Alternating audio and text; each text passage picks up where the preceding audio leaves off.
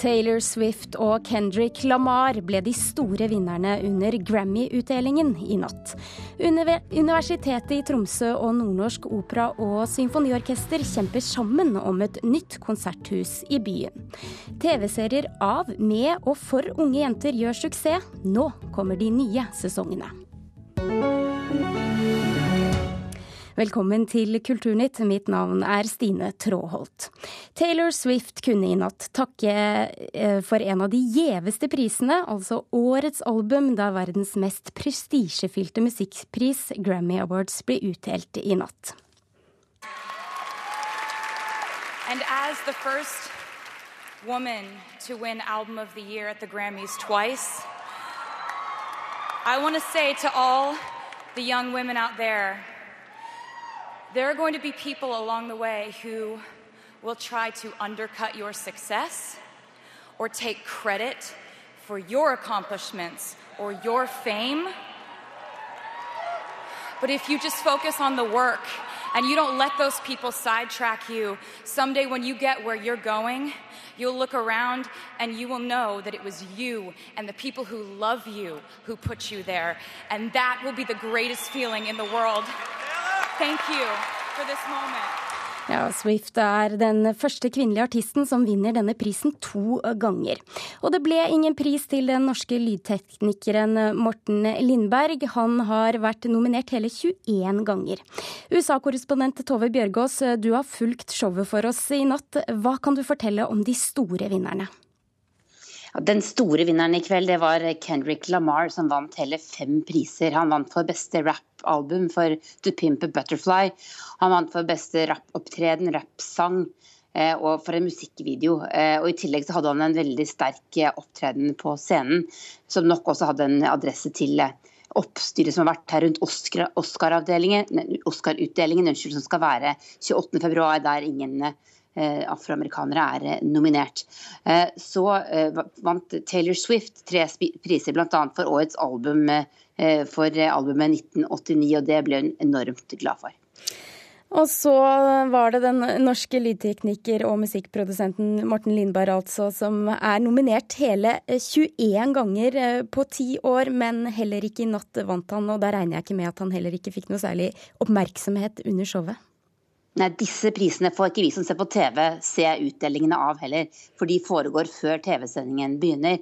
Men eh, de må henge høyt, akkurat de prisene der når han har blitt nominert så mange ganger. Men denne gangen var han nominert for en klassisk produksjon med Trondheimssolistene. Eh, men dette er altså i første rekke et show med veldig mye god underholdning, veldig mange store sceneopptredener og, og priser da innimellom. Og hvordan forløp nattens prisutdeling seg? Var det med eller uten de store skandalene? Ja, Det var ikke de største skandalene. Det, det, vanskeligste var kanskje at Adele hørtes ut som hun sang falskt, fordi det visstnok var noe feil med, med lyden, med lydgjengivelsen fra et piano på scenen bak henne. Det var i hvert fall det hun skrev på Twitter etterpå. Men ellers så tror jeg mange vil huske Lady Gagas eh, Eh, opptreden til minne om David Bowie, der hun eh, hadde kledd seg ut som Siggy Stardust og, gikk gjennom en serie av Bowies eh, låter. og, Det syns jeg hun gjorde veldig veldig bra.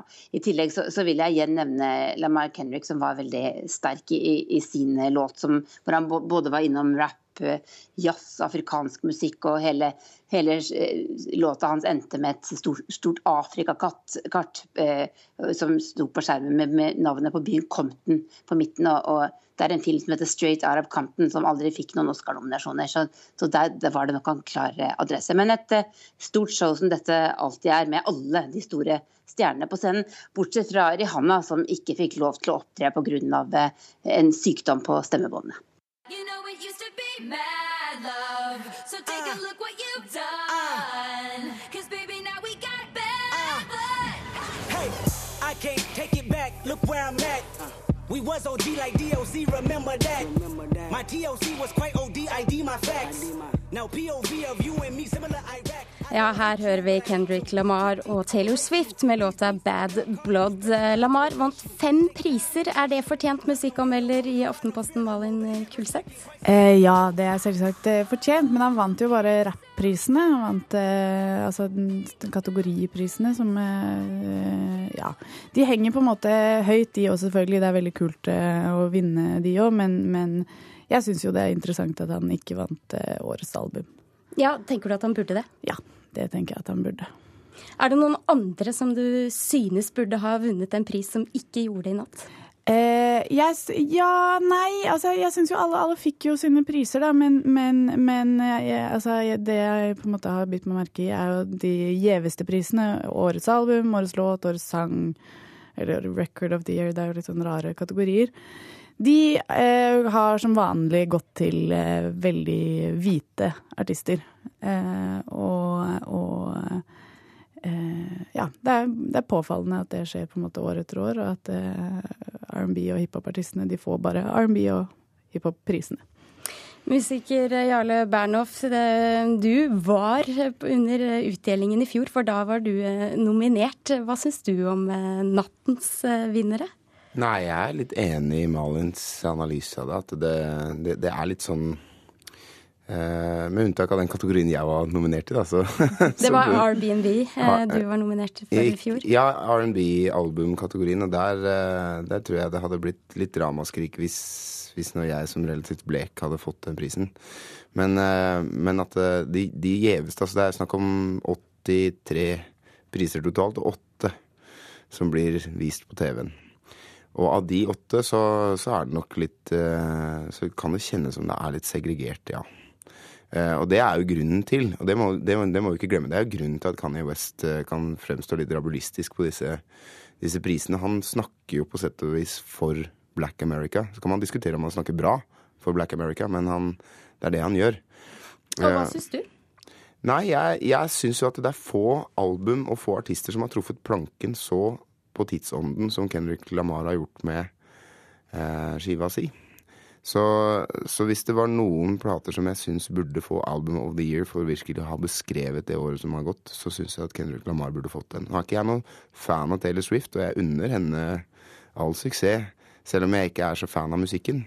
Men jeg tenker hvis man ser dette i et litt større perspektiv, som jeg syns Grammy burde være hakket bedre på enn det det faktisk er, så syns jeg at eh, årets album burde nok ha gått til Kendrick Lamar. Du nikker litt, uh, Ja, jeg holdt på å si sånn jeg skal, ikke, jeg skal la deg snakke ferdig, eh, men eh, ja, Taylor Swift. Eh, hun, hun, altså, hun, fortjener all suksess, hun også, selvsagt. Jeg skal ikke på en måte frata henne prisen, men, men Nei, du, du, ser liksom Det er Mark Ronson, det er Taylor Swift, det er Ed Sheeran. Alle, alle de prisene er veldig ja, påfallende hvite. Så det blir litt sånn som forventet, med andre ord. I fjor var du til stede, Jarle Bernhoft. Kan du forklare oss litt eh, hvordan det er? Ja, det er et enormt apparat, da. Det er For det første det, går det jo hele uka i forkant med på diverse intervjuer. Det er masse fester og sånne ting. Jeg var ikke så utrolig festløvete av meg, må jeg innrømme. Men eh, så er det ganske høy eh, silikonfaktor og Botox-faktor. Um, som, som, det vanligvis er i LA, men i Grammy-uka så er det helt på, helt på speed, liksom. Og så, og så kommer den røde løperen på selve ja. Og så kommer den røde løperen som er som jeg syns var ganske interessant, egentlig. For der var det masse intervjuer hvor man snakka om eh, jeg, som jeg syns er viktige ting. da. Blant annet de tingene vi snakka om i forhold til eh, Er Grammy for en for hvit pris, osv. Mm. Og så Men har det hatt noe å si for din artistkarriere at du var nominert i fjor? Ja, jeg står jo her og prater om på radio. Så, men jeg, jeg, vet ikke. Det, det, har nok mye å si for den neste skiva jeg skal gi ut. For da blir det som the, the follow-up to the Grammy nominated. Og så blir, det, så blir det kanskje litt ekstra schwung der. Men jeg, jeg, tenker ikke så mye på det. Jeg må innrømme jeg er kanskje litt Morten Lindberg i huet. Eh, bli nominert og go about your business. Ja, Har du snakket med han? Vet du hvordan han har det i dag? Nei, men jeg, jeg kan uh, gå ut fra at han er nok eh, Han sitter nok i studio og jobber med sine åtte neste prosjekter. Malin Kulseth, eh, hva er det som gjør dette til den mest prestisjefylte musikkprisen? Ja, hva er det? Altså, det er, jo, det er jo den største amerikanske musikkprisen, og Amerika er, eh, er ikke ja, ikke verdens største land, men det er jo verdens mektigste land når det kommer til populærkultur spesielt. Da. Eh, så, så selv om det stort sett er amerikanere som stikker av med prisen, så Eller alle prisene, så har jo det på en måte sin naturlige forklaring, det òg. Tusen takk for at dere kom i studio, begge to, Jarle Bernhoft og Malin Kulstedt.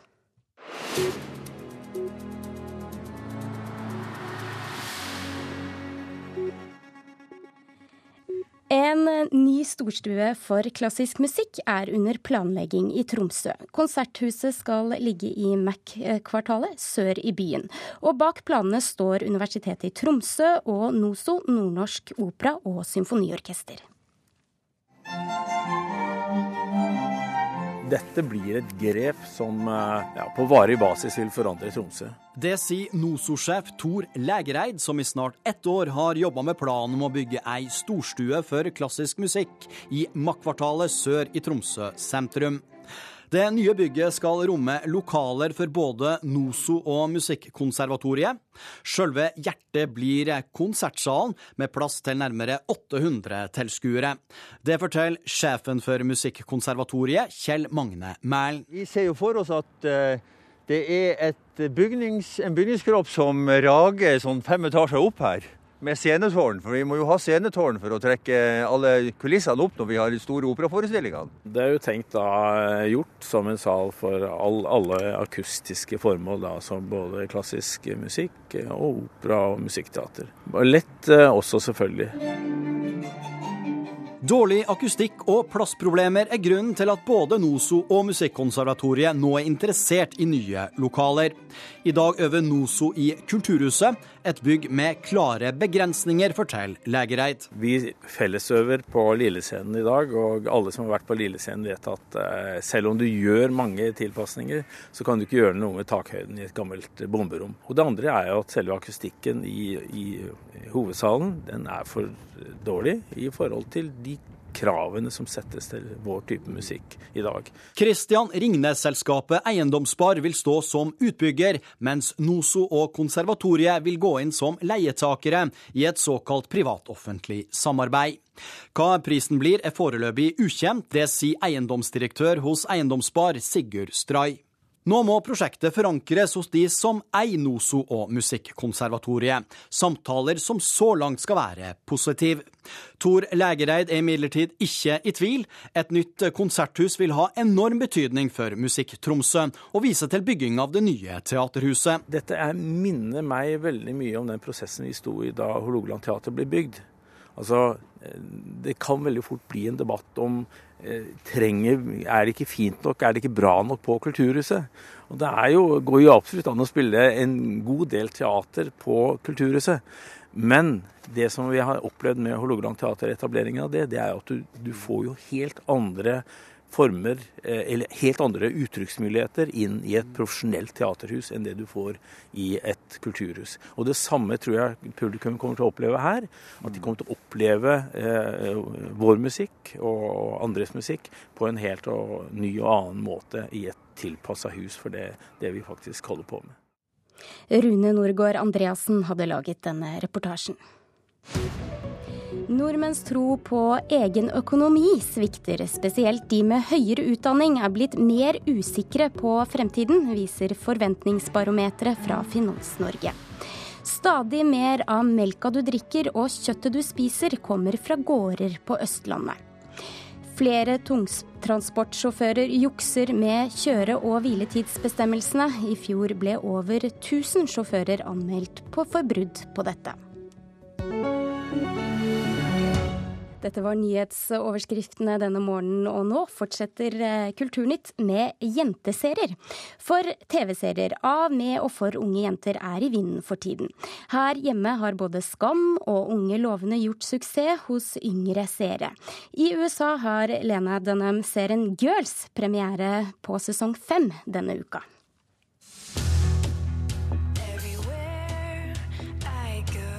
Yes, I am only 25 and a half years old. You know when people say that you can't run away from your problems? Well, I moved away from mine, and it worked, so people are so wrong. Slik høres det ut når TV-serien Girls er tilbake i sin femte sesong. Serien, som er laga av og med Lena Dunham, har slått an i både USA og Norge. Kanskje har Dunham inspirert flere unge kvinner til å følge i hennes fotspor. For nå ser vi en rekke serier med samme målgruppe og tematikk. Karriere, kjærleik, sex og vennskap. Well, it's annoying that both our brothers have coffee table books. No, I know. And Elliot's a year older than me. Like, I'm not.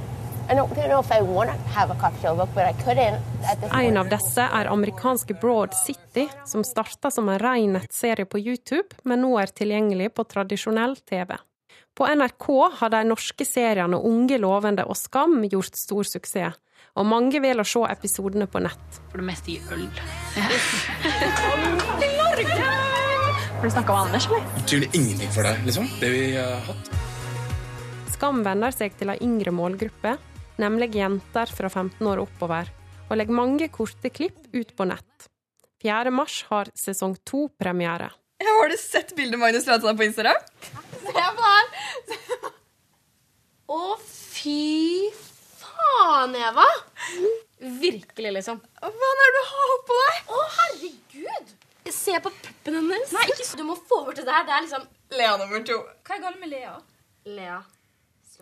Reporter i denne saken var Maren Kvamme Hagen. Cecilie Asker, journalist og anmelder i Aftenposten. Vi må begynne med Girls, som har premiere denne uka. Du har sett allerede de fire første episodene. Hvordan var det? Ja, eh, Jeg kan jo si at serien følger i samme spor.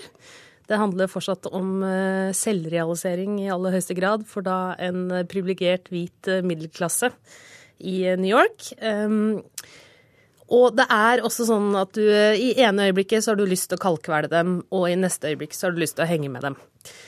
Litt morsomt i sesong fem er at du får, du får se Til nå så har det liksom vært veldig fokus på bare denne gjengen, men nå får du også se litt at foreldrene til disse eh, jentene, og for så vidt guttene også, eh, de er også litt grann skrudd sammen litt rart, da.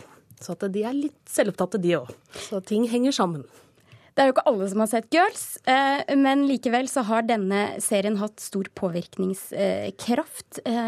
På hvilken måte har den det? Den ble jo ganske fort en stemme for en generasjon.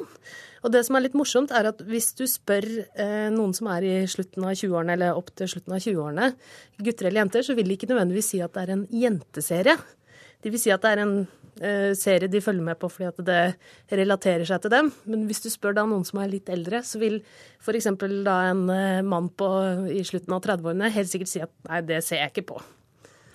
Jeg skal også ønske velkommen til Gry Cecilie Rustad. Du er postdoktor for Institutt for medier og kommunikasjon ved Universitetet i Oslo. Lang tittel. Ja. For et år siden så gjorde vi en opptelling her i Kulturnytt som viste at de siste fem årene så har 15 norske TV-serier som da fikk støtte av Norsk Filminstitutt, bare to av dem hadde en klar kvinnelig hovedkarakter. Er dette nå i ferd med å snu, slik du ser det? Jeg håper jo det. Det er jo selvsagt kjempeproblematisk at uh, tallene er så uh, drøye, rett og slett. Og jeg håper jo, og det tror jeg også NRK ser med suksessen til Unge loven og Skam, at dette er noe å satse på. men det har jo tradisjonelt vært sånn at serier som er rettet mot et kvinnelig publikum, og spesielt et ungt kvinnelig publikum, har veldig lav kulturell status. og, så det kan jo ha helt klart sammenheng med det, at man gir da penger til hvite middelklassemenn. du er ikke så begeistret for girls? Nei, for meg så ble det Ja, det var liksom som Cecilie sa, jeg har lyst til å kalkevelde det hele tiden fordi de er så bortskjemte. Så jeg foretrekker Broad City helt klart fremfor um, girls, fordi de jentene er litt mer utagerende, litt råere og ikke så utrolig bortskjemte. De har det morsommere sammen, og så har de et utrolig sterkt vennskap i bunn. fordi det er en av de tingene jeg syns er mest kritikkverdig med girls, er jeg skjønner ikke hvorfor de er venner. La oss bare da hoppe litt til de norske seriene. Skam har nå eh, snart eh, ny premiere på eh, sesong to. hvordan vil du karakterisere den? Eh, Skam er en utrolig spennende norsk serie. Altså, for det første så har den karakterer man aldri har sett før på TV, og det gjelder også internasjonalt. Eh, I tillegg eh, så er den utrolig interessant hvordan den blir fortalt. Altså hvordan man bruker nettet, man bruker sosiale medier, og forteller mellom episodene, som er veldig sånn nyskapende og litt sånn det nye innovative man gjør i TV-bransjen om dagen. Og samtidig så er den også veldig befriende og feministisk. Altså man har skapt en serie som skal virke som gode rollemodeller for unge kvinner. Så vidt jeg skjønner, så er dette noe du vil se litt nærmere på. Eh, på hvilken måte? Ja, jeg har tenkt til å um, forske på den og gjøre en, en, produksjonsstudie av den etter hvert. Og så vil jeg se på den rent estetisk, og også antageligvis også se på det feministiske potensialet som ligger i denne serien, og hvordan den blir lagd. Cecilie Asker, eh, har Skam og Unge lovende blitt påvirket av Girls? Uh, unge lovende har nok uh, helt sikkert det, uh, for den har jo mye av den samme bakgrunnshistorien. Men det som er litt kult med Skam også, er jo at den, den jo, forteller ikke den samme historien som det for den samme generasjonen som Girls og Unge lovende. Den forteller jo en historie for noen som er ti år yngre. Man ser jo faktisk at det er ganske stor forskjell. Det her er generasjonen som har vokst opp og fått beskjed om at de må ta utdanning, og at de ikke kan bare surre rundt, og at uh, verden kommer til å gå under. Og, altså, de, de, har en helt annen innstilling, da. Så det er ganske morsomt å se at bare ti år forskjell, så er det en helt annen historie som blir fortalt.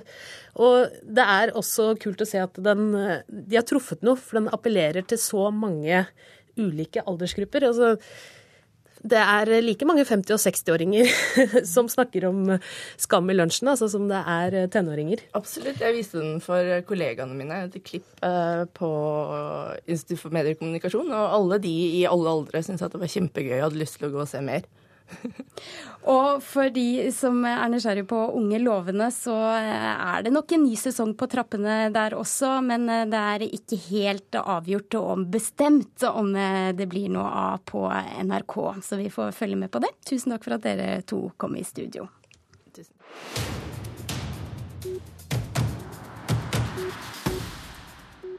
Men det som skjer når man sitter ved valens stol, er at man har lyst til å strekke seg ut, og da skjer dette her.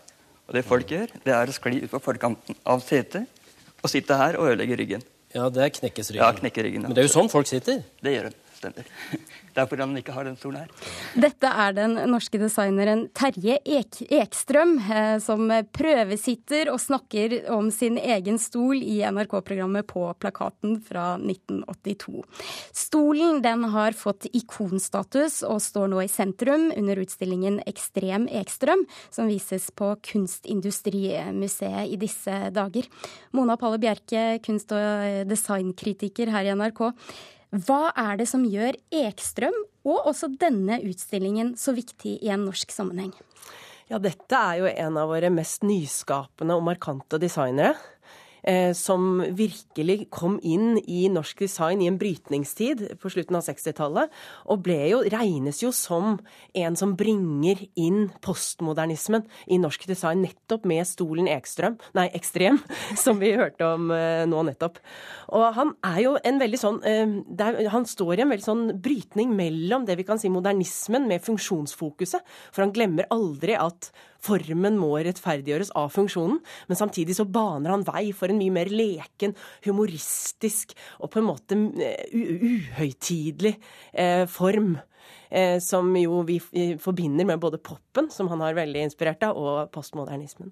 Da jeg gikk inn på nettet for å se på denne stolen, så tenkte jeg å, ha-ha, det er den, ja. Mm. Eh, du må beskrive den litt for seg så vi får noen bilder i hodet. Ja, den er jo veldig grafisk. Det ser nesten ut som et tegn i rommet. Og den består jo av to snodde sylindriske rør som er vattert, og som er trukket med en strikket strømpe. Og de er da bøyd mot hverandre, slik at bakstykket er som en eh, liksom en avrundet M, nesten, med bakbena og eh, solryggen. Og så går de ned da i noe man kan si er en slags kant kantet oval eller en avrundet uh, rektangel, som er da sete. Og det er jo som et hull hvor du stikker rumpa nedi, uh, og så går det da ned i to ben foran. Så det er jo liksom helt, uh, noe helt annet enn liksom virkelig hovedforestillingen om hva en stol er, nettopp også fordi setet bare er et hull. Og da kan man jo tenke når man hører denne beskrivelsen at dette er nok mest en skulptur. Og det er jo ikke tvil om at denne stolen har veldig sterke skulpturelle kvaliteter, men den er også veldig god å sitte i. Og det er når man prøver den, så får man virkelig kjenne at her har han tenkt hver eneste bevegelse disse rørene gjør, er tenkt ut fra kroppen, og den inviterer oss til en veldig bevegelighet. Da. Så det er en stol som man kan sitte på alle mulige måter i. Ja, og som han sa selv, så var det han ville beskytte ryggen. Eh, hvilke andre ting er han kjent for? Han er veldig kjent for radio. Det er mye radionostalgi knyttet til eh, Ekstrøm. For han jobbet jo da på hele 70-tallet på Tandberg radiofabrikk. Og var, der var det også en veldig brytningstid i dette med utforming av radioer. Handberg var plutselig konfrontert med konkurranse fra et internasjonalt marked, og ansatte da designere. Og der brøt han jo også veldig med radioen Fasett, med et, hvordan et radioapparat ser ut. For der skapte han en sekskantet eh, radio i plast. Han hadde jo først laget flere av disse med treinnfatning og aluminium og slik, men plutselig denne plastradioen i en mangekantet form, som kunne også vippes rundt slik at lyden kom i retning av den som lyttet. Og dette er også et ikon i norsk eh, designhistorie. Og så må vi si noe om denne utstillingen, for den også er ganske spesiell. Den er spesiell. Jeg syns det mest flotte ved denne utstillingen er at vi faktisk kan sitte i ekstrem. Den, den har ikke disse designtingene på avstand fra oss på den måten som ofte er på en pidestall. Eh, vi kan gå og virkelig bruke denne stolen, som er en slags tematisk eh, rød tråd i utstillingen. Men vi får også se hele hans eh, rike karriere og bli kjent med denne veldig viktige skikkelsen i norsk designhistorie. Mona Palle Bjerke, tusen takk for at du eh, kom til Kulturnytt for å anmelde utstillingen Ekstrem eh, Ekstrøm, som finner sted på Kunstindustrimuseet i Oslo. Gjermund Jappé var ansvarlig for denne sendingen. Nå fortsetter eh, radiodagen her i P2.